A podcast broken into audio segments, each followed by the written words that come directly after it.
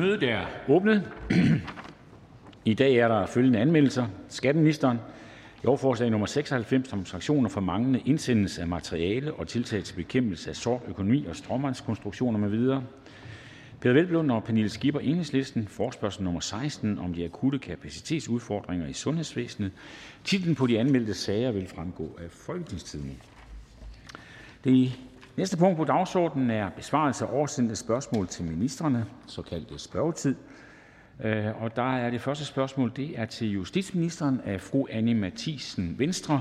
Fru Anne Mathisen for oplæsning af spørgsmålet. Værsgo. Tak for det. Mener ministeren, at der i Danmark bør være en skydebaneinspektør ansat under Justitsministeriet, som fungerer som overordnet myndighed for at sikre øh, for sikkerhed på skydebaner og våbenopbevaring i Danmark?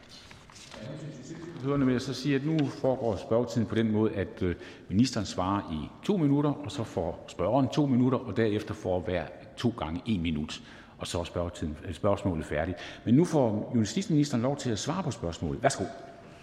Tak for det, formand. Og tak for spørgsmålet. For mig som justitsminister så er tryghed og sikkerhed afgørende. Det gælder naturligvis også sikkerheden på vores civile skydebaner i Danmark.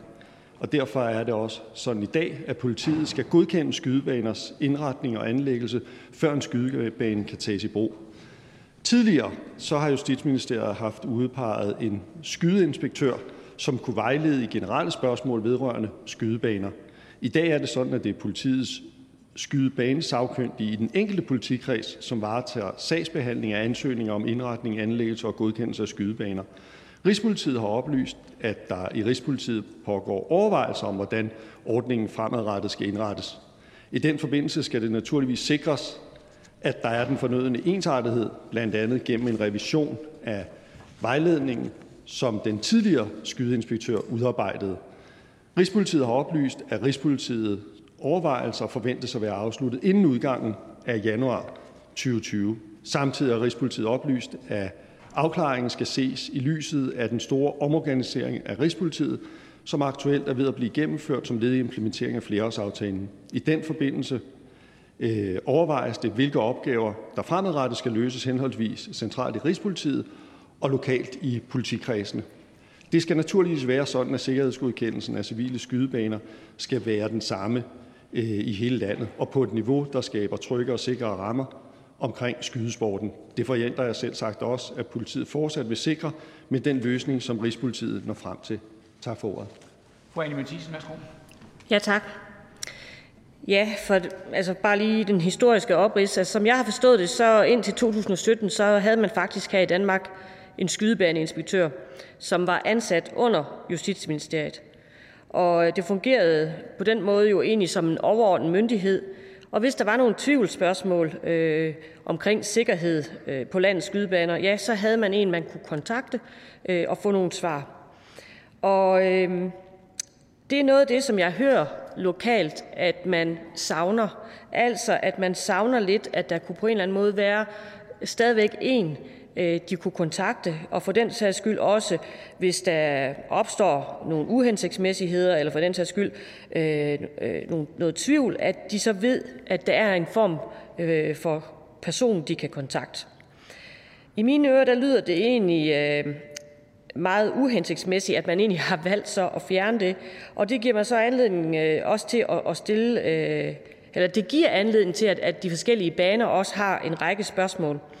Øh, der er flere eksempler på, at politiet den ene måned måske vil godkende øh, en del ting og en del forhold på en skydebane, men måske så næste måned øh, går imod det, de måske selv tidligere har sagt. Så i hvert fald her nu er der en frustration derude, og derfor vil jeg egentlig gerne spørge ministeren, om øh, han ligesom mig kan få øje på, at øh, det er en, en uholdbar situation, man har lige her og nu, øh, og at der simpelthen skal gøres noget ved det. Og så må ministeren rigtig gerne lige bekræfte mig i, at ministeren sagde nemlig, at man forventede, at øh, de her overvejelser var klar i øh, januar 2020. Jeg går ud fra, det i januar 2022. Minister? Ja, det sidste skal jeg beklage, hvis jeg fik sagt forkert. Det er sådan, at, at Rigspolitiets overvejelser forventer at være afsluttet januar 2022, altså den januar, som vi øh, kigger ind i om ganske lidt tid. Øh, så lad mig sige om den skydeinspektørs, skydeinspektørs rolle, som vi havde. Øh, hans funktion var at, øh, at optage sådan mere, eller foretage sådan en mere generel rådgivningsfunktion i forhold til indretning og anlæggelse og godkendelse øh, og tilsyn med, med skydebaner. Det har sådan set ikke været at foretage sagsbehandling i konkrete ansøgningssager. Nu er det så sådan, at, at han, er, han er der i, Justitsministeren er godt opdraget. Tiden var gået. Værsgo, fru Anne Mathisen. Ja, tak. Det kan være, at minister, ministeren kan gøre svaret færdigt ved, ved næste mulighed. Altså, det skyldes jo især, kan man sige, og det tror jeg egentlig godt, vi kan blive enige om, at øh, det her område, det kræver jo en, en special viden. Og derfor kan det jo også være vanskeligt, hvis det er forskellige mennesker, der skal på de her opgaver. Øh, og, og derfor tænker jeg lidt, vil ministeren ikke være, eller gå i front for at sikre, at det i hvert fald bliver mere ensartet, og at, øh, at der ikke sker de her, øh, rent sagt, man kan godt kalde det fejl, men i hvert fald så, så ender det jo med, at øh, det er ude på banerne, at man har problemstillingerne. Justitsminister, værsgo. Øhm, jo, det synes jeg sådan set er et helt rimeligt øh, hensyn at tage, nemlig at sige, at der skal være nogenlunde ensartet øh, praksis. Nu overvejer Rigspolitiet, om om der skal være en skydebaneinspektør, som dækker hele landet, eller eller om vi skal altså om jeg så må sige, i i tillæg til det, at der er skydebanesagkyndige i de enkelte politikreds, som i øvrigt er, skal jeg sige, uddannet og har et kursus for skydebanesagkyndige, som er gennemført på på politiskolen, så de skulle gerne kunne forholde sig til de sager, som de står med. Men man kan jo nå det med det tværgående måske ved at få opdateret den vejledning, der er for godkendelserne. Og så er det fru Anne Mathisen for det sidste spørgsmål. Værsgo. Ja, tak. I hvert fald det, jeg hører, og som jeg håber også ministeren vil sikre, det er, at man har brug for klare linjer, klare retningslinjer og mere ensartethed. Øh, og, og det er så det, jeg håber også ministeren øh, vil gøre, når den her vejledning kommer på banen. Det er så at, at rent sagt gå vejledningen igennem og så tjekke af for, hvordan har man sikret, at der så kommer klare linjer og for den sags skyld mere ensartethed. Minister? Jo, men et af de initiativer, det kan jeg sådan set, øh, det kan jeg sådan set godt øh, berolige med, fordi et af de initiativer, som der ligger, det er, at der er iværksat en revision af den vejledning, som den tidligere øh, skydeinspektør øh, havde udarbejdet, altså før han, så vidt jeg ved, gik på pension. Tak. Spørgsmålet er slut, og vi siger tak til fru øh, Annie Mathisen. Vi fortsætter med spørgsmål til justitsministeren, men nu er det her Alex Vanopslagh, Liberal Alliance. Værsgo for oplæsning af spørgsmålet. Tak for det.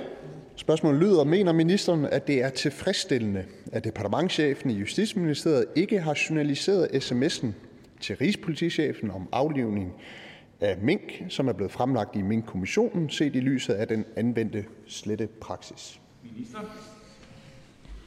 Tak for spørgsmålet.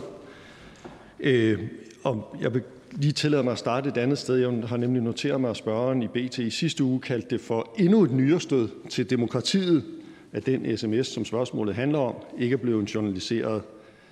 Det øh, udsagn, synes jeg, taler for sig selv og siger vel noget om også i øvrigt det niveau, som debatten foregår på. Som jeg tidligere har oplyst, så er, øh, vurderer Justitsministeriet, at øh, det i praksis generelt vil have undtagelsens karakter af sms'er er øh, journaliseringspligtige.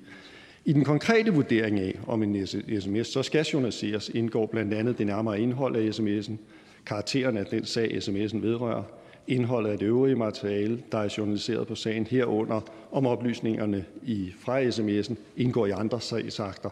Og derfor kan jeg jo heller ikke stå her og sagsbehandle øh, og forholde mig til, om den konkrete sms burde være journaliseret eller ej.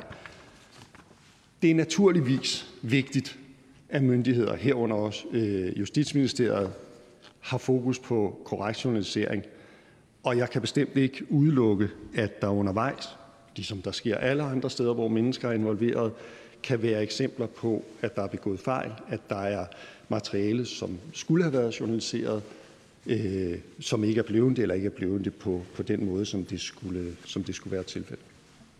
Hr. Alex Vanopslagh. Jeg er glad for, at justitsministeren har læst BT-artiklen, fordi så tænker jeg, at justitsministeren også har læst de øh, forskere og professorer, der utvetydigt siger, at selvfølgelig skulle den her sms være journaliseret. Det er i hvert fald det, som øh, Olof Jørgensen, øh, forskningschef på Danmarks Medie- og Journalisthøjskole, siger. Og Sten Bønsing siger, at øh, det, det skulle den også være, medmindre at man efterfølgende har journaliseret det i, i, i, i, i mailsystemet. Så, så det er jo egentlig hævet over enhver tvivl, at, at den her den skulle journaliseres. Når det er øh, også en demokratisk udfordring, så er det jo netop fordi, at, at det understreger, at relevante sms'er i Mink-sagen er blevet slettet. Der har ikke været en korrekt journaliseringspraksis, i hvert fald ikke i den her sag, og der er intet, der tyder på, at der har været det i, i, i andre sager, og, og, og det udfordrer lidt nogle forskellige ting. Det udfordrer jo dels, om, om man kan have tillid til, at Mink-kommissionen får det fulde billede af, hvad der er op og ned, og hvad der er sket. Men, men det er jo også noget ret basalt, der skal overholdes. Altså, det er jo egentlig bare offentlighedsloven, der tilsiger, at man skal, man, man skal journalisere, øh, hvad der er relevant i forhold til, til, til, til sagsbehandling. Og der, der har ikke været nogen ændringer i offentlighedsloven siden 2013. Så lovgivningen er jo øh, er klar på det område, og det er jo Justitsministeriets egen lovgivning. Så spørgsmålet er et eller andet sted, altså, hvordan kan borgerne have tillid til, til embedsapparatet, når den øverste embedsmand i Justitsministeriet ikke overholder den lovgivning, som vedkommende selv er ansvarlig for? Minister? Jamen, der skal også foretages journalisering, og der skal være, selvfølgelig være fokus på, øh, på øh, korrekt øh, journalisering. Og der kan også, som jeg sagde, jo øh, forekomme fejl. Jeg synes også, man bliver nødt til i den her sammenhæng at huske på den kontekst, som der var, nemlig en situation, hvor øh, der skulle træffes beslutninger. Pandemien øh, rasede. Det var et, embeds, det er et embedsværk, som har arbejdet en år overordentligt meget. Og jeg tror, jeg tror faktisk godt, at vi kan blive enige om at sige, at vi skal have en absolut nulfejlskultur, vil ikke være fremmende for øh, det samfund, som vi har. Alex Vanopslagh, værsgo. Jamen, jeg har fuld forståelse for, at man har travlt. Det kender jeg sådan til selv. Man kan også have så travlt, at man ikke har tid til at journalisere journaliseringspligtige sms'er, der bliver slettet. Men løsningen er jo lige for. Lad være med at slette Nej, men øh, altså, jeg, jeg har forståelse for, at man kan have så travlt, at man ikke har tid til at journalisere sms'erne, men så er løsningen jo lige til, det er, at man ikke skal slette dem. Så fjern den automatiske sletning, så er man fri for at bruge tid på, på, på, på, på journalisering. Det er altid nemt at være, være, være bagklog. Men vil ministeren ikke indrømme i dag, at, øh, at, at det var en fejl fra regeringens side, både statsministeren og justitsministerens departementschef, departementchef, at man havde den automatiske sletning, når man havde for travlt til at overholde journaliseringspligten? Minister? Jeg sagde ikke, at man generelt havde for travlt til at overholde øh, journaliseringspligten. Jeg sagde, at der kunne være nogle omstændigheder, som begrundede, at, øh, at øh, der måske ikke var sket en journalisering, som der måske skulle være sket. Men man må vel også sige, med det forløb, som vi har været igennem, der er der også behov for, at vi fremadrettet forholder os til, hvad gør vi så med, med sms'er og journalisering, opbevaring af sms'er. Alex Vanopslagh, sidste spørgsmål. Værsgo. Ja, så skal jeg jo finde på noget. Det er jo udfordrende at have så mange spørgsmål. Det er jeg så ikke vant til. Jeg er vant til at blive kortet af nu her. Men så vil jeg spørge ministeren, nu hvor vi ved, at departementchefen i Justitsministeriet har slettet alle relevante sms'er også i forhold til Mink-sagen, og at en af dem, der så er kommet frem, øh, har jo indebæret noget, noget, noget, noget sagsbehandling, hvor man egentlig øh, giver en, øh, han har sådan en instruks til Rigspolitiet om, at nu skal, I, nu skal I gå i gang med den her aflivningsplan. Har, har ministeren tillid til, at, øh, at Mink-kommissionen får al relevant indsigt i, i sit arbejde, også i forhold til Justitsministeriets område? Minister? I betragtning af, at det var et, et, øh, et uforberedt spørgsmål, så synes jeg, det var uhyre kvalificeret. Fordi nogle gange får man det indtryk, at Mink-kommissionen sidder med, med nogle få udvalgte sms'er, og det materiale, der ligger til grund. Altså, der er afleveret rigtig mange øh, mails, der er afleveret rigtig meget skriftligt materiale, der har været gennemført afhøringer af en lang række personer, som tegner det her øh, samlede billede. Og endelig så vil det jo være sådan, at øh, de sms'er, som måtte være relevante for sagen, jo gerne skulle være øh, journaliseret. Der kan være sket fejl, men vi ved også, at der er journaliseret sms'er også i sagen her. Jeg skal gerne repetere, det er sådan, at først er der to minutter til ministeren, og derefter to minutter til spørgeren, og så er der tre gange en halv minut. Spørgsmålet er slut, øh, men vi går videre med spørgsmål til justitsministeren, og det er fortsat her Alex Vanopslagh. Øh, værsgo for oplæsning af spørgsmålet. Som lyder, mener ministeren, at det er udtryk for rettidig omhu, at sms'er ikke var medtaget i de nye retningslinjer for statslige myndigheders opbevaring af slettede e-mails med videre, når sms'er er så relativt udbredt som arbejdsværktøj? Minister? Tak for spørgsmålet.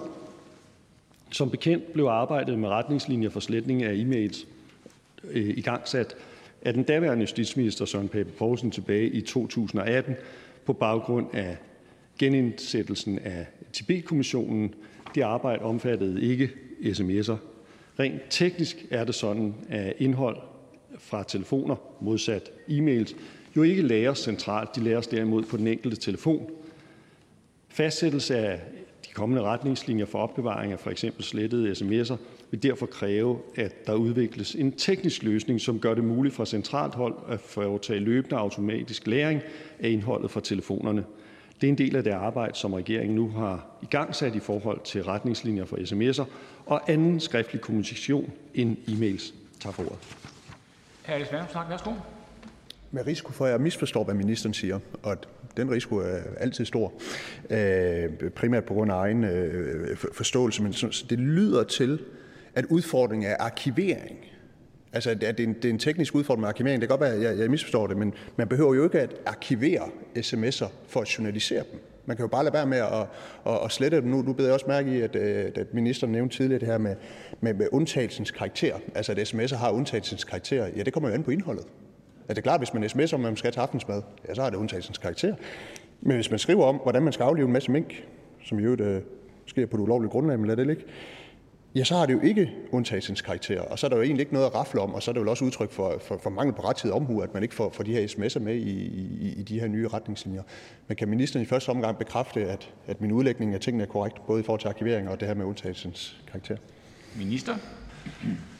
Jeg har kun en halv minut, øh, så jeg vil, jeg vil, men det kan være, at jeg kan komme tilbage til den anden del af spørgsmålet. Noget af det, der er kompleksiteten her, det er, når vi har med e-mails at gøre, som måtte være slettet fra ens, øh, ens PC, eller hvor den nu er, så vil de alligevel kunne genfremfindes, fordi at man kan øh, genetablere dem. Sådan som jeg forstår det, noget af problemet med sms'erne er, at de er sådan set kun på telefonen, medmindre de også er i, øh, i skyen eller noget. Men som udgangspunkt, så skal der findes en løsning, hvor man hvis telefonen nu går i stykker, hvis øh, den bliver skiftet ud, hvis alt muligt andet, at vi har en central læring af sms'erne, så man er sikker på, at de kan, vil kunne genskabes. Og det er der i modsætning til e-mailsen ikke i øjeblikket. Ja, Alex Vanopslagh. Men er det ikke bare lige til at sige, at man skal lade være med at slette sms'er? Så er det jo på telefon. Altså, og, og, og så er den, øh, jeg ved ikke, om man sige, den skid er slået i, i Folketinget. Det må man i gerne hjemme i Vestland. Det må man ikke. Nej, jamen så, øh, så, så den problemstilling i, i, i, i hvert fald løser. Jeg, jeg, jeg kan ikke lade være med at tænke, at, at, at man jo ved ikke at medtage sms'erne i de her retningslinjer jo, jo, jo har forsømt noget, der var helt åbenlyst, der, der, der skulle være med. Minister? Jeg forstår godt øh, synspunktet. Øh, jeg tror bare også, man må gøre sig klart, der også er, at dels er der noget praktisk, dels er der et modstående hensyn. Det modstående hensyn, for eksempel da vi snakkede om, hvor lang tid skal man opbevare e-mails osv., det er, at der i de data faglige eller dataetiske regler også er et hensyn til, at man skal ikke opbevare unødvendigt varet materiale. Øh, det er det, det er hensynet på den ene side. Den anden side er selvfølgelig at have det relevante materiale. Det andet er så, hvis vi nu siger, at det kun er på telefonerne, øh, men man bare kan lade være med at slette, og så på et eller andet tidspunkt er der en, der taber en telefon, den rører i havnen, der kan ske alt muligt, jeg tror, mange har været ude for det, så vil sms'erne jo være væk, hvis vi ikke har sikret en eller anden form for også central læring. Og så vil det sikkert blive draget i tvivl. Hr. Alex Vanopslagh, sidste spørgsmål. Værsgo. Som øh, jeg afstår fra. Man skal ikke forcere en kreativitet, når den ikke kommer naturligt. Tak for svarene. Og dermed siger vi så tak til hr. Alex Vanopslagh, men også til justitsministeren, da der ikke er flere spørgsmål til justitsministeren. Det næste spørgsmål er til social- og ældreministeren, og det er hr. Morten Messerschmidt, øh, Dansk Folkeparti. Værsgo, hr. Messerschmidt, for oplæsning af spørgsmål. Ja, skal jeg lige finde det rigtige papir her. Jeg blev så overrasket over, at hr. Vandopslag afstod fra at mene noget i en sidste runde, at øh, jeg tænkte, kan det virkelig passe? Men det er storsindet. Tak, formand. Øhm, er ministeren enig i, at ældrechecken bør gøres skattefri, og vil regeringen arbejde for, at det kan ske i indeværende folketingsperiode? Tak. Tak for det. Ja, der måtte vi lige være hurtige på, øh, på fødderne begge to, men det gik. For regeringen er det vigtigt, at pensionister i Danmark har et rimeligt forsørgelsesgrundlag. Her spiller ældrechecken en vigtig rolle. Ser man på indretning af det danske pensionssystem, så er de offentlige forsørgelsesydelser som udgangspunkt skattepligtige. Det sikrer, at der er en harmoni i pensionssystemet, øh, at det er ens for alle pensionsydelser. Det gør det også nemmere at sammenligne pensionsydelserne med lønindkomst. Ældrecheckens størrelse er fastlagt efter, at ydelsen er skattepligtig. Det vil derfor være en væsentlig ændring og betydelig umiddelbar merudgift på øh, en størrelsesorden knap 1,5 milliard kroner, hvis ældrechecken gøres skattefri. I øjeblikket så er Kommissionen om tilbagetrækning og nedslidning i gang med at se det danske pensionssystem efter i sømmene. Det arbejde mener regeringen, at man bør afvente, inden vi politisk drøfter den fremtidige indretning af pensionssystemet. På den baggrund har regeringen ikke nogen aktuelle planer om at gøre ældrechecken skattefri. Men altså aktuelt, hvad er aktuelt, øh, og hvad, hvad er på længere sigt? Altså nu spørger jeg her til, om man i indeværende folketingsperiode øh, kunne forestille sig, at, øh, at man kunne gøre ældrechecken skattefri. Og det er jo fordi, der er ganske mange ældre derude, hvor ældrechecken selvfølgelig er, er fuldstændig afgørende for, at økonomien overhovedet hænger sammen. Men hvor man også må sige, at hvis vi kunne gøre den skattefri, jamen så ville det gøre, at øh, ja, tilværelsen ville blive øh, noget lettere. Der er mange udgifter, og der er også nogle, der stiger, øh, for eksempel varmeregning og så videre, øh, som rammer øh, hårdt for de økonomier, hvor man ikke har mulighed for at sige, jamen, øh, så tager jeg måske lige noget overarbejde, eller gør noget andet for på den meget, måde at, øh, at bringe sig, øh, tilbringe sig noget, øh, noget, noget mere indtægt. Og derfor synes jeg, at specifikt på ældrechecken, at der er grund til at diskutere, om man ikke skulle gøre den øh, skattefri. Og nu siger ministeren, det vil være et af mine opfølgende spørgsmål, at, øh, at det vil koste halvanden milliard. Altså det synes jeg jo ærligt talt virker overkommeligt. Øh, når jeg ser på, hvordan den her regering jo altså gerne vil strø, øh, det er jo så ikke ældre checks, men andre checks ud til blandt andet helt folk, der er kommet helt spontant til grænsen og har fået lovlig ophold i Danmark, så skal de have tusindvis af kroner tilsendt i coronatillæg. Altså, vil det så ikke være naturligt, at man også sagde, at de folk, som jo for nogens vedkommende med hele deres krop og virke fysisk har slidt og slæbt for øh, de privilegier, som ministeren og jeg og vores generation, tillader jeg mig at sige, øh, de privilegier, vi har, det er jo nogle folk, der har kæmpet for det. Og der synes jeg altså, at man skylder dem at sige, vi ved godt, hvor meget I har offret, og derfor, ud over den ældrecheck, som fru Pia Kærsgaard og Dansk Folkeparti fik på plads, og som i dag er oppe på et niveau omkring de 18.600, ud over det, så viser vi også en ekstra tak ved at gøre den skattefri. Kunne ministeren ikke sige lidt om, om det kan lade sig gøre inden for den her folketingsperiode, som jeg spørger til? Minister? Jamen, som, øh, som spørgeren, og jeg tror også, vi kan henhøre os til den samme generation, øh, havde øh, påpeget i sit spørgsmål, så, øh, så nej, så ligger der jo i mit svar, at det er ikke noget, der er øh, inden for øh, den her folketingssamlings øh, tidshorisont. Der er en kommission i gang med at kigge på tilbagetrækning og nedslidning, men jeg er fuldstændig enig i det principielle om at holde hånden under de folkepensionister, som igennem et langt liv har øh, svaret deres, været med til at bygge vores samfund øh, op, og derfor har vi jo også øh, tidligere, vi var i regering, øh, hævet ældrechecken, vi har kæmpet for at fastholde pensionisternes boligydelse, øh, fordi det er selvfølgelig afgørende. Ja, Mr. Schmidt, værsgo. Ja, jeg var ude at tale med en af mine gode bekendte den anden dag, som er folkepensionist i min nye kreds. Jeg stiller op i, i Brøndby nu, og øhm, han viste mig simpelthen sit private regnskab. Og der er godt nok ikke meget at rute med. Altså, øhm, hvis man har et barnebarn, der skal konfirmeres, eller fylder rundt, eller hvad ved jeg, eller hvis man bliver inviteret til en øh, familie øh, kom sammen i Nordjylland for eksempel, og man bor i København, altså så kan det være sådan noget, der gør, at hele budgettet det vælter. Øhm, og derfor vil jeg bare appellere til, at regeringen får gjort det her lidt hurtigere, end det er noget, der er skudt ud sådan i fremtiden. Minister, værsgo. Jamen øh, tak for det, og øh, tak for også for, for de positive ambitioner på regeringens vegne. Jeg, jeg, jeg oplever sådan set, at, at vi er, er enige i forhold til betydning af at holde hånden Øh, Øh, både under vores folkepensionister, men jo også under vores ældrepleje. Og, øh, og derfor er det jo noget, øh, vi fra regeringen også er opmærksom på. Og jo blandt andet øh, har vi foreslået øh, her nu en, øh, en varmepakke, blandt andet med 100 millioner kroner, som kommunerne kan søge for at øh, få dækket øh, merudgifterne til for eksempel øh, tillæg til pensionisterne. Fordi øh, jeg er enig med spørgeren i, at der er jo nogle pensionister, særligt dem, som har den bare folkepension og tillægget og, og en lille smule ATP, øh, som har en, en stram økonomi. Hr. Messerschmidt, sidste spørgsmål. Og hvad er så tidsperspektivet? Altså, jeg forstår, at regeringen vil ikke gøre noget ved det her i indeværende folketingsperiode. Nu kan ministeren selvfølgelig ikke disponere øh, til efter et folketingsvalg, men, men hvis nu ministeren alligevel skulle lege med den tanke, hvad er signalet til de folk, til de ældre, der virkelig sidder med en, øh, en trang økonomi? Øhm, hvornår kan de regne med, at, øh, at, at, at de får en ekstra håndsrækning? Det er jo ikke alle, der måske kan arbejde med et 10-årigt perspektiv, og så synes, det er helt fint. Minister? For det første tror jeg, det er vigtigt at sige, at vi jo allerede har øh, en række øh, tillæg, øh, helbredstillæg, for eksempel mediesjek til de pensionister, der har mindst en boligydelse, som jo for nogle år tilbage var ved at blive reduceret, men, men som vi fik fastholdt. Og, og, og derfor er der jo i vores system nu forskellige øh, greb, der holder hånden under de pensionister, som, som har det sværest. Jeg kan sige, at den kommission, der arbejder, kommissionen om tilbagetrækning og nedslidning, øh, vil være færdig med deres arbejde øh, ved udgangen af, af marts øh, næste år. Tak for det. Spørgsmålet er slut, men vi fortsætter med spørgsmål til social- og ældreministeren og af hr. Morten Messerschmidt. Værsgo for oplæsning af næste spørgsmål. Tak, formand. Hvad er ministerens holdning til at forhøje ældrechecken med 2.000 kroner, som skal udbetales op til jul? Minister det. Ældrechecken er som bekendt et årligt indgangsbeløb, der udbetales til folkepensionister med øh, en lille eller ingen indtægt ud over folkepensionen og de tillægsydelser, som øh, den enkelte kan få, som vi jo også lige var omkring i det forrige spørgsmål.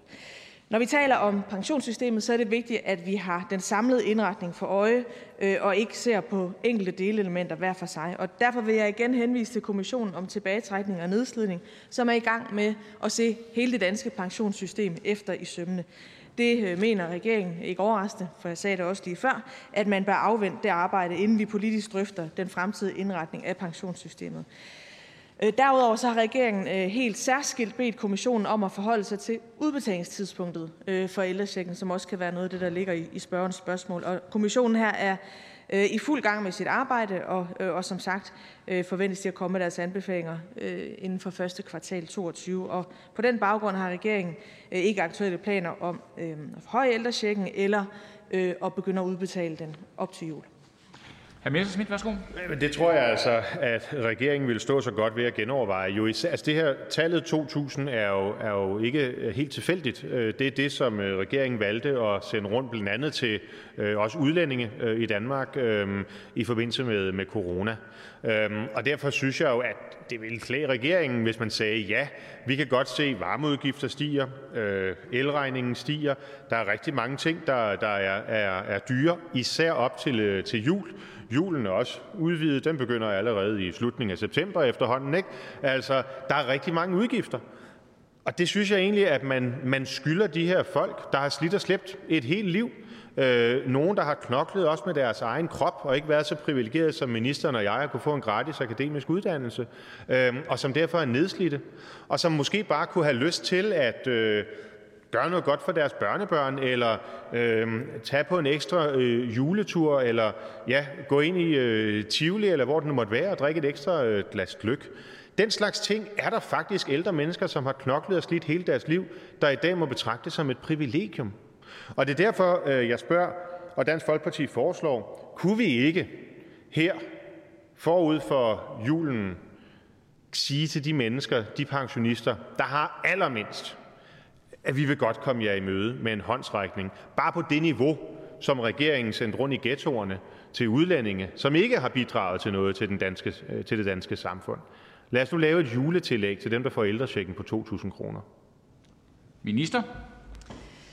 Tak for det. Øh, jeg deler så i øvrigt spørgerens betragtning om, at øh, julen måske er begyndt at starte øh, lige rigeligt, når man kan støde på de første juleprodukter, reklamer osv. tilbage i september. Det kunne være, at vi skulle, at vi skulle tage en diskussion, om man skulle begynde at regulere, regulere det, så vi, så vi indskrænker det pres af den vej. Ej, men, men spøj til side, altså jeg deler jo også til fulde spørgerens betragtning om, øh, hvor væsentligt det er, at vi har en retfærdighed også i forhold til de mennesker, der har slidt længst i deres arbejdsliv. Og derfor er jeg så glad for den såkaldte Arne-pension, og i øvrigt også øh, ryster over at høre de to øh, store partier i Blå mm. Blok vil af med den.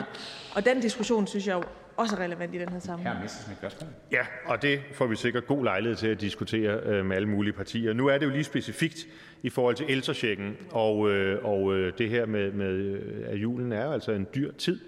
Og man kan godt lave lidt grin med det, men der er jo noget om det, at når, når julen ligesom er noget, der begynder meget tidligere end, tidligere, øh, tidligere end før, øh, fordi der er julekataloger og gaveræs og alle mulige ting, som man jo gerne vil kunne give sine børnebørn en oplevelse omkring, så er det måske også på sin plads, at vi diskuterer her, om der skal et særligt juletillæg til, til dem, som har mindst. Og der synes jeg bare ikke rigtigt, at ministeren svarer på spørgsmålet. For det, minister. Værsgo. Jamen, jeg vil øh, jo sige meget klart, at, øh, at jeg synes, det er vigtigt, at vi har ældrechecken. Og nu øh, henviser spørgeren i sidste runde til, at det var spørgens spørgerens partistifter, en af dem, der var med til at få indført ældrechecken. Og jeg kan for min del jo så pege på, at da vi havde regeringsmagten sidst, blev den hævet med 40 procent. Og det er udtryk for, at vi i fællesskab mener, at det er vigtigt, at vi har den ekstra håndsrækning til de folkepensionister, der har mindst, udover at vi har øh, tillægget til dem, der kun har øh, folkepension. Så at vi har et pensionssystem, hvor vi tager højde for, at der er nogle pensionister, der har brug for en ekstra hjælpende hånd. Det er jeg meget enig med spørgeren i er vigtigt. Med, med sidste spørgsmål. Og øh, vi kan jo i fællesskab glæde os over, at vi har øh, øh, store fodspor at fylde ud. Altså, øh, nu er det jo sidste runde, så, øh, så frygter jeg næsten, at øh, Socialministeren også begynder at tale helt tilbage til KK Steinke, og hvad ved jeg. Altså, vi, vi er glade for den arv, vi har, har, har fået og forvalte, men den skal jo også netop forvaltes. Øhm, og der ville det være naturligt, og jeg synes, det er underligt, at ministeren viger så meget tilbage, når man nu kan give udlændinge, der intet har bedrevet eller virket for, for det danske samfund, en håndsrækning. Hvorfor så ikke også gøre det til dem, der virkelig har, har slidt og slæbt? Tak. Minister, værsgo. Tak for det. Jamen, ordføreren vil jo øh, ikke høre mig stå og konkludere øh, en masse her i dag, og det er jo fordi, som jeg sagde indledningsvis, vi har en kommission, der sidder og arbejder lige nu og kigger hele vores pensionssystem øh, igennem. Man kan ikke pille en enkelt del ud af pensionssystemet, uden at give en samlet vurdering af det hele, og det arbejde afventer regeringen, og så kan vi jo se den tid på ryggen af den vurdering have en, en diskussion af, hvordan vi bedst muligt indretter vores pensionssystem. Spørgsmålet er slut. Tak til social- og ældreministeren. Tak til hr. Messerschmidt. Vi går videre til næste spørgsmål, som er til transportministeren af fru Susanne Simmer. Øh, fru Susanne Simmer, Fri Grønne. Værsgo for oplæsning af spørgsmålet. Ja, tak. Og tak til ministeren for at komme og vil besvare mit mundtlige spørgsmål. Ministeren skriver i et svar på TRU Almindelig Del, at om asbest i fjordbunden, at Vejdirektoratet i samråd med Miljøstyrelsen vil vurdere, om der eventuelt er sundhedsmæssige og miljømæssige forhold, der skal tages hånd om i forbindelse med håndteringen af sedimentet fra tunnelranden. Så jeg vil høre, om ministeren finder det acceptabelt at grave 1 million kubikmeter havsediment fri af havbunden, hvis der, som alt tyder på, findes asbest i analyserne af fjordbunden. Minister? Tak øh, for spørgsmålet. Umiddelbart øh, så undrede jeg mig lidt over, at øh, spørgsmålet her blev stillet som et, øh, øh, et paragraf 20 spørgsmål. Jeg mener, det er på kanten af forretningsordens beskrivelse af, af paragraf 20 spørgsmåls øh, øh, formål. Hvis, øh, hvis det er, så må, må øh, spørgerne også overveje, om, om det skal følges op med øh, et udvalgsspørgsmål, som er det, som spørgsmålet tager sit udgangspunkt i. Omvendt er det også vigtigt for mig at få aflydet øh, Øh, myter om tredje Limfjordsforbindelse, så derfor vil jeg naturligvis svare på det her. Vejdirektoratet har oplyst mig, at der ikke er kendte forekomster eller deponier af asbestholdige materialer inden for det planlagte tracé for Egholmlinjen ved Limfjorden. Det ved jeg godt, det har jeg sagt mange gange før, men det er ikke desto mindre øh, vigtigt for mig at øh, understrege. Og derfor øh, så vil jeg også øh, starte med at erklære mig helt uenig i øh, spørgerens udsagn om, at alt tyder på, at, øh, det bliver, øh, at der bliver fundet asbest i analyserne fra fjordbund. Spørgeren henviser i spørgsmålet til mit svar på transportudvalgets spørgsmål øh, 13 almindelig del, men det virker som om spørgeren glemmer, at jeg også oplyste, at undersøgelsen af havbundssedimentet i tunnelranden vil finde sted, inden anlægsarbejdet i gang sættes. Med andre ord er der altså ikke planer om at gå i gang med anlægsfasen, før der er gennemført en grundig detaljprojektering. Jeg kan øh, derudover tilføje, at jeg i mit svar på spørgsmål 13 også oplyste, at planlægningen af den konkrete prøvetagning i Limfjorden samt den efterfølgende analyse af sedimentprøverne vil blive udført af virksomheder, som har tilstrækkelig ekspertise. Og endelig oplyste jeg altså også i det svar, som spørgeren henviser til, til Transportudvalget, at jeg agter at orientere Folketinget om detaljprojekteringen af øh, kommende tredje Limfjordsforbindelse, og denne orientering vil ske inden selve projektets anlægsfase i gang sættes. Og jeg er på den baggrund helt tryg ved, at det kommende anlægsarbejde vil ske på oplyst grundlag og under hensyntagen til omgivelserne. Tak. Fru Susanne Simmer. Ja, tak. Altså, ministeren antager jo, at på baggrund af Vejdirektoratets analyser, eller beretning, at der ikke er asbest i fjordbunden. Og det er så på trods af, at der er to deponier, som har stået åbne i henholdsvis 11 og 14 år. Det ene det ligger meget tæt på, når man står der i traceline, så ligger det sådan lige, lige ved siden af faktisk. Det, er ikke, øh, det har ikke været afdækket i 11 år. Og man kan se, at der ligger den fiberdue, som egentlig skulle spære for asbesten ud til fjorden, den ligger i en pølse, og samtidig så er det også tydeligt at se, at øh, deponiet det er gennemskåret af Svandholgrøsten, som har fået ændret sit udløb. Det der så er, at øh, en af ministerens svar har været, at øh, strømmen den går hovedsageligt mod øst, det vil sige væk fra Traceline. Men øh, det, som jeg er blevet bekendt med, det er, at når man har et sådan et vandløb, så selvom strømmene for 67 procent af vedkommende går mod øst, så er der det, man kalder idstrømme, som går mod vest. Og øh, derfor så øh, risikerer man jo at, at komme til at grave øh, noget fri, som øh, ryger både mod øst, og der, vil være, der er noget, der er kommet fra, fra østsiden og gået mod vest.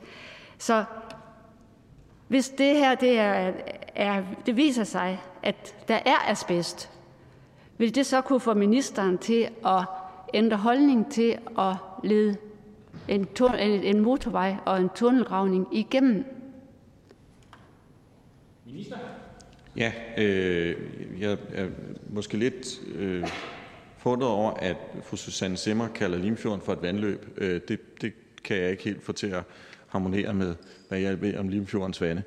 Øh, ikke desto mindre så skal jeg jo altså lige minde om noget, som jeg tror er sagt mange gange, men som jeg ikke er sikker på øh, er blevet hørt øh, af fru Susanne Simmer, at der er jo foretaget analyser af forurening af, af, af, af fjordbund, af Limfjorden. Øh, og der er jo heller ikke fundet asbest i den forbindelse. Det ændrer ikke på, at vi også kommer til at undersøge det, som jeg lige har redegjort for øh, i min første besvarelse. Fru Susanne Simmer? Så vil jeg godt høre ministeren efter, er det reelt undersøgt for asbest? Fordi det er ikke det, man kan se ved VVM-redegørelsen. Der kan man se nogle andre tungmetaller, som faktisk kan tages som tegn på, at der er nedbrydning af asbest eller findeling af asbest. Så, så derfor så tænker jeg, altså er der undersøgelser på asbest? Det synes jeg, der er meget interessant at høre. Så vil jeg også gerne vide, hvor jeg kan finde dem henne. Ministeren? Altså som sagt er der undersøgt, hvad, hvordan ser øh, havbunden ud øh, i, øh, i forbindelse med det her. Men som jeg også har tilkendegivet, og nu gentager jeg så det, jeg sagde i min første besvarelse, det, jeg sagde i min anden besvarelse, og som jeg har sagt på flere samråd, og som jeg svaret i alle de svar, som indtil nu er givet til fru Susanne. Og det kan godt være, at det så stadigvæk øh, ikke bliver opfattet korrekt, men der kommer altså til at blive lavet en undersøgelse af havbunden, øh, inden vi sætter selve anlægsarbejdet i gang. Øh, så nu er det sagt for måske 17. gang. Fru Susanne Simmer? Ja, men mit spørgsmål det går faktisk på, hvis det findes asbest, vil ministeren så fortsætte? Er der en eller anden graduering af, hvis det ikke er så meget, så kører vi videre med den, eller hvis det er meget, så stopper vi den? Altså kan man forestille sig, at der er etableret et eller andet antal kilometervej, og så finder man asbest i den detaljprojektur, og så stopper man motorvejen? Minister? Det, som vi kan være helt sikre på, det er, at vi kommer til at finde noget, som vi ikke forventer. Det kunne for eksempel være arkeologi eller andet. Det har jeg også svaret Hussein Simmer rigtig mange gange på. Jeg tror ikke, vi kommer til at finde indjørning, men jeg tror, vi kommer til at finde noget, der er uventet. Og det er også derfor, der er afsat en meget stor anlægssum til at kunne håndtere eventuelle, øh, eventuelle forureninger. Det behøver ikke at være asbest, det kan også være andre former for forureninger, som er ret almindelige at finde, når man laver anlægsarbejder. Og det er man også vant til at tage hånd om fra, fra Vejdirektoratets side. Spørgsmålet er slut. Tak til fru Susanne Simmer og til transportministeren. Vi går videre til næste spørgsmål. Det er til ministeren for Fødevare, Landbrug og Fiskeri, og spørger er fru Anne Mathisen Venstre. Værsgo for oplæsning af spørgsmålet. Tak for det. Er ministeren enig i, at myndighedernes håndtering af IHN-virus i danske dambrug og fiskesøer har været både uacceptabel og uhensigtsmæssig? Og vil ministeren på den baggrund give en status på behandlingen af ansøgninger om fortsat IHN-fri status? Nej, jeg er ikke enig i, at det er en uacceptabel, uhensigtsmæssig øh, måde, der er blevet håndteret det her på. Jeg er enig så langt, at det på alle måder er en ulykkelig, en ærgerlig og en kedelig situation øh, for de dambrug og løsfiskesøer, der er berørt af sygdommen IHN. Ingen tvivl om det. Myndighederne har gjort, hvad de kunne, og jeg er generelt tilfreds med den håndtering, vi har set. Forløbet med bekæmpelse af sygdommen har været håndteret af Fødevarestyrelsen. Det er sket i tæt samarbejde med det berørte erhverv og under løbende inddragelse af EU-kommissionen. Derudover er kapaciteten til at håndtere udbruddet løbende blevet tilpasset og udvidet efter bedste evne. Det drejer sig blandt andet om håndtering af prøvetagning, laboratorieanalyser og øh, restriktionszoner. Jeg er meget optaget af, at den videre håndtering sker i tæt samspil med, mellem myndigheder og et enigt erhverv.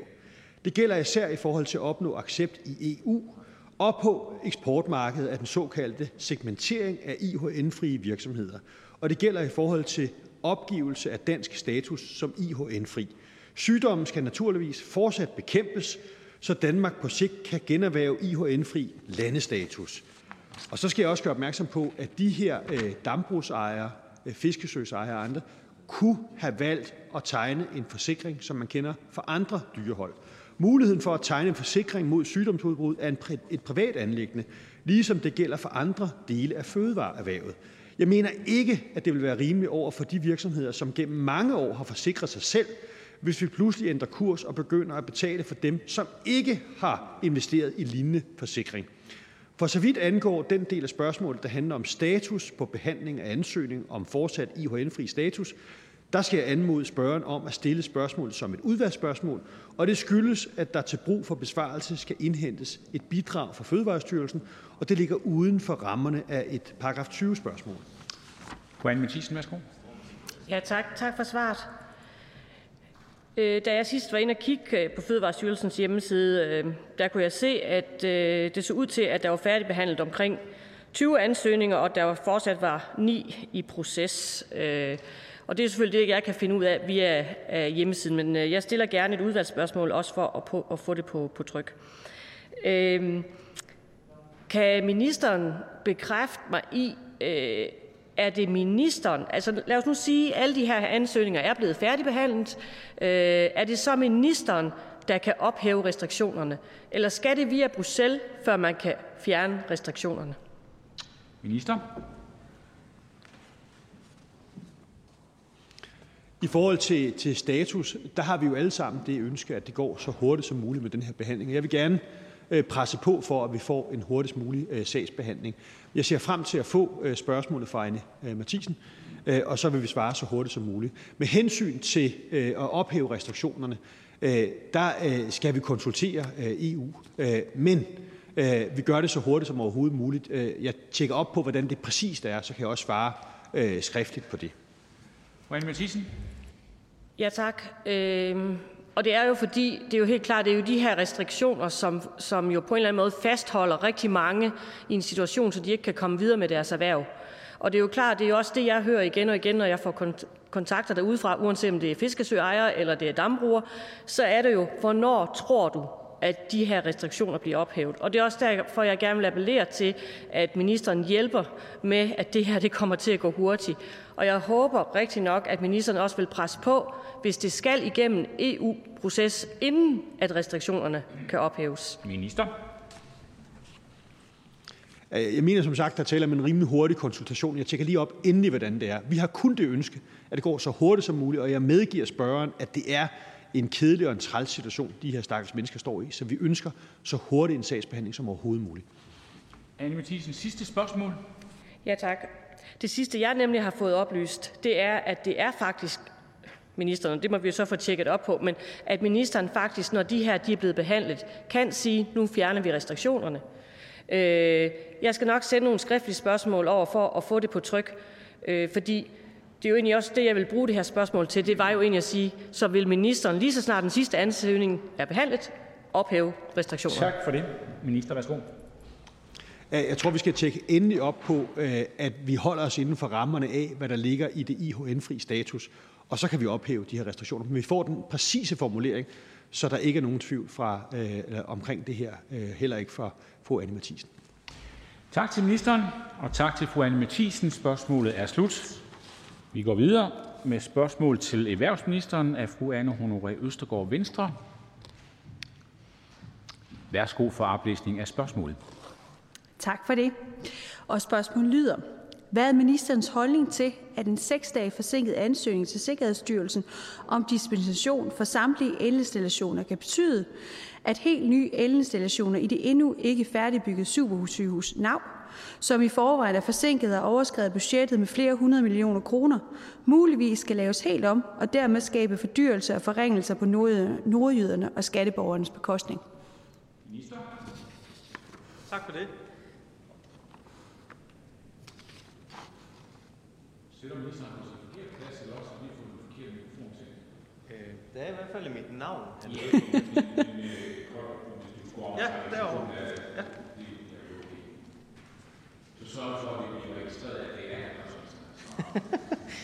Så kan jeg svare hvad som helst, hvis det som, hvis det er fødevareministeren, der svarer. Nej, men øh, øh, jamen tak for spørgsmålet. Og jeg, altså, som der også bliver spurgt om, der er jo ingen af os, der er interesseret i, at der skal øh, spilles øh, øh, penge øh, på øh, nogen som helst projekter. Og jeg har øh, fuld forståelse for, at det er frustrerende, hvis man har et projekt, der allerede er forsinket, øh, som så skal ende med at have flere udgifter på baggrund af, at man har misset en øh, deadline i forhold til, til ansøgninger. Det afslag, der er blevet givet her, øh, det er fordi, der i den relevante bekendtgørelse står meget klart, at fristen for en rettidig ansøgning om dispensation, det var den 30. juni 2020.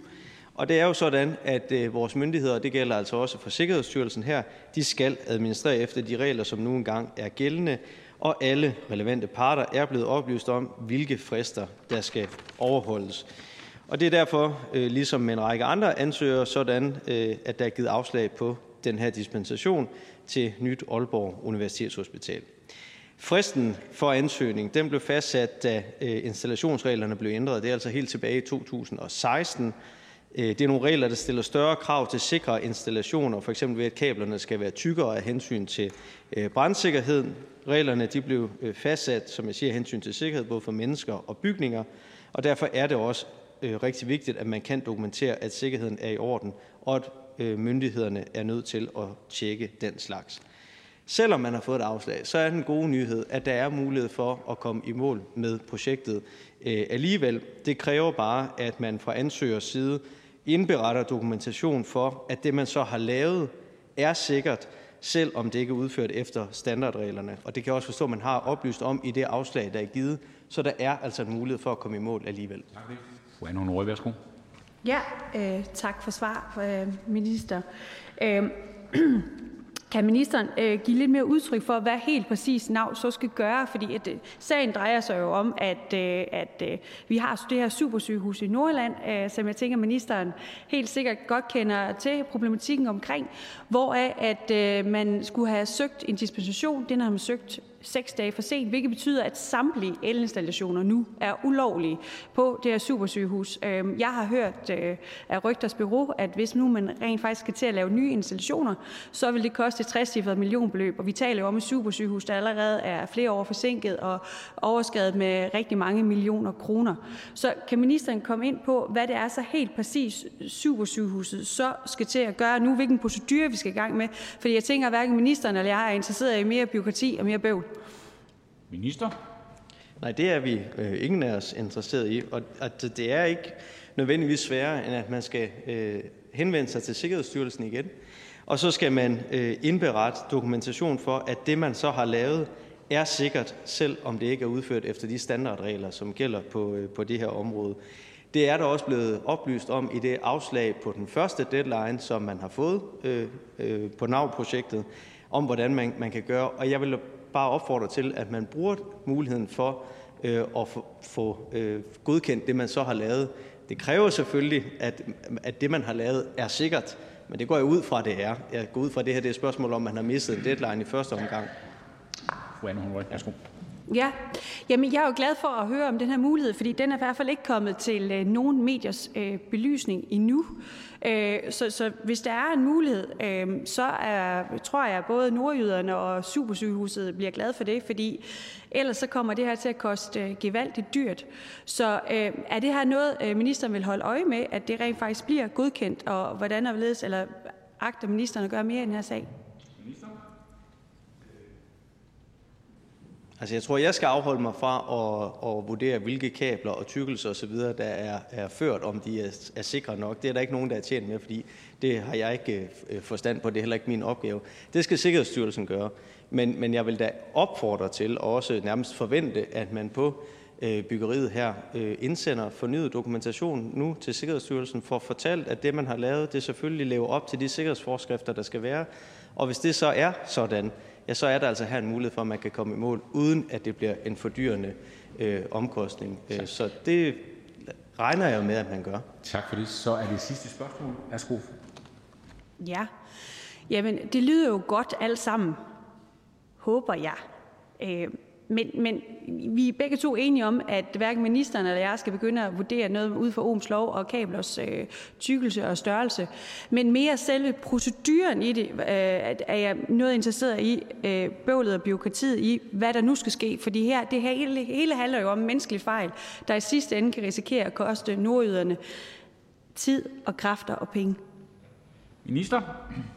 Ja, og det er der ingen af os, der er interesseret i. Og, øh, og menneskelige fejl kan ske. Øh, den her deadline, man skulle have levet op til i sommer, den har været, øh, har været kendt rimelig længe, vil jeg så sige, så man har vidst i lang tid, man skulle nå den deadline. Det lykkedes så ikke. Så er der en anden mulighed, og den er beskrevet i det afslag, som man har fået i første omgang. Den synes jeg, man skal forfølge, og så er jeg sikker på, at hvis ellers man har gjort sit arbejde ordentligt, og det gør man i Nordjylland, jamen så, øh, så er der også gode muligheder for at få, få tingene godkendt igen. Men, men den endelige vurdering, det er Sikkerhedsstyrelsen, og den skal hverken spørgeren eller jeg lave. Tak for det. Spørgsmålet er slut. Men vi fortsætter med spørgsmål til erhvervsministeren, og det er fortsat fru Anne Honoré Østegård Venstre. Værsgo for oplæsning af spørgsmålet. Ja. Vil ministeren handle, så nordjyderne og skatteborgerne ikke skal opleve forsinkede sundhedstilbud og ekstra regninger på grund af en ansøgning om dispensation for samtlige elinstallationer, som Sikkerhedsstyrelsen modtager seks dage for sent fra NAV? Minister? Også tak for det spørgsmål.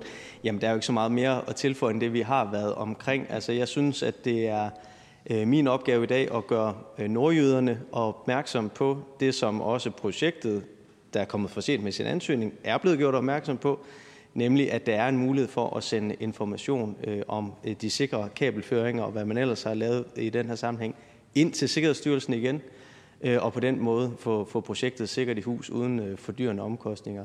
Så det, øh, det er det, jeg vil gøre, og gøre opmærksom på, at den mulighed er der, og den håber jeg da og regner med bliver øh, forfulgt, sådan at man kan komme i hus uden, for, øh, uden øh, ekstra regninger. Fru Anne Honoré, værsgo. Ja, og tak for det svar. Det, det, jeg dog er mest interesseret i, det er den nye mulighed, der jo lige er kommet op nu, er kendt for mig og nok måske alle andre tilhører, fordi det er ikke noget, der har været ude i mediernes øh, søgelys før, før i dag. Det er det er selve, hvor bøvlet det nu bliver, hvor omkostningsfuldt det så bliver, øh, det, det kan jeg ikke helt vurdere ud fra øh, ministerens svar, øh, om, om det er noget, der sådan er nemt og enkelt og, og til at gøre. Øh, fordi det er klart, selvfølgelig skal elinstallationerne være helt sikre og helt gode, og hvad sådan noget el skal være, det skal jeg ikke kloge mig på.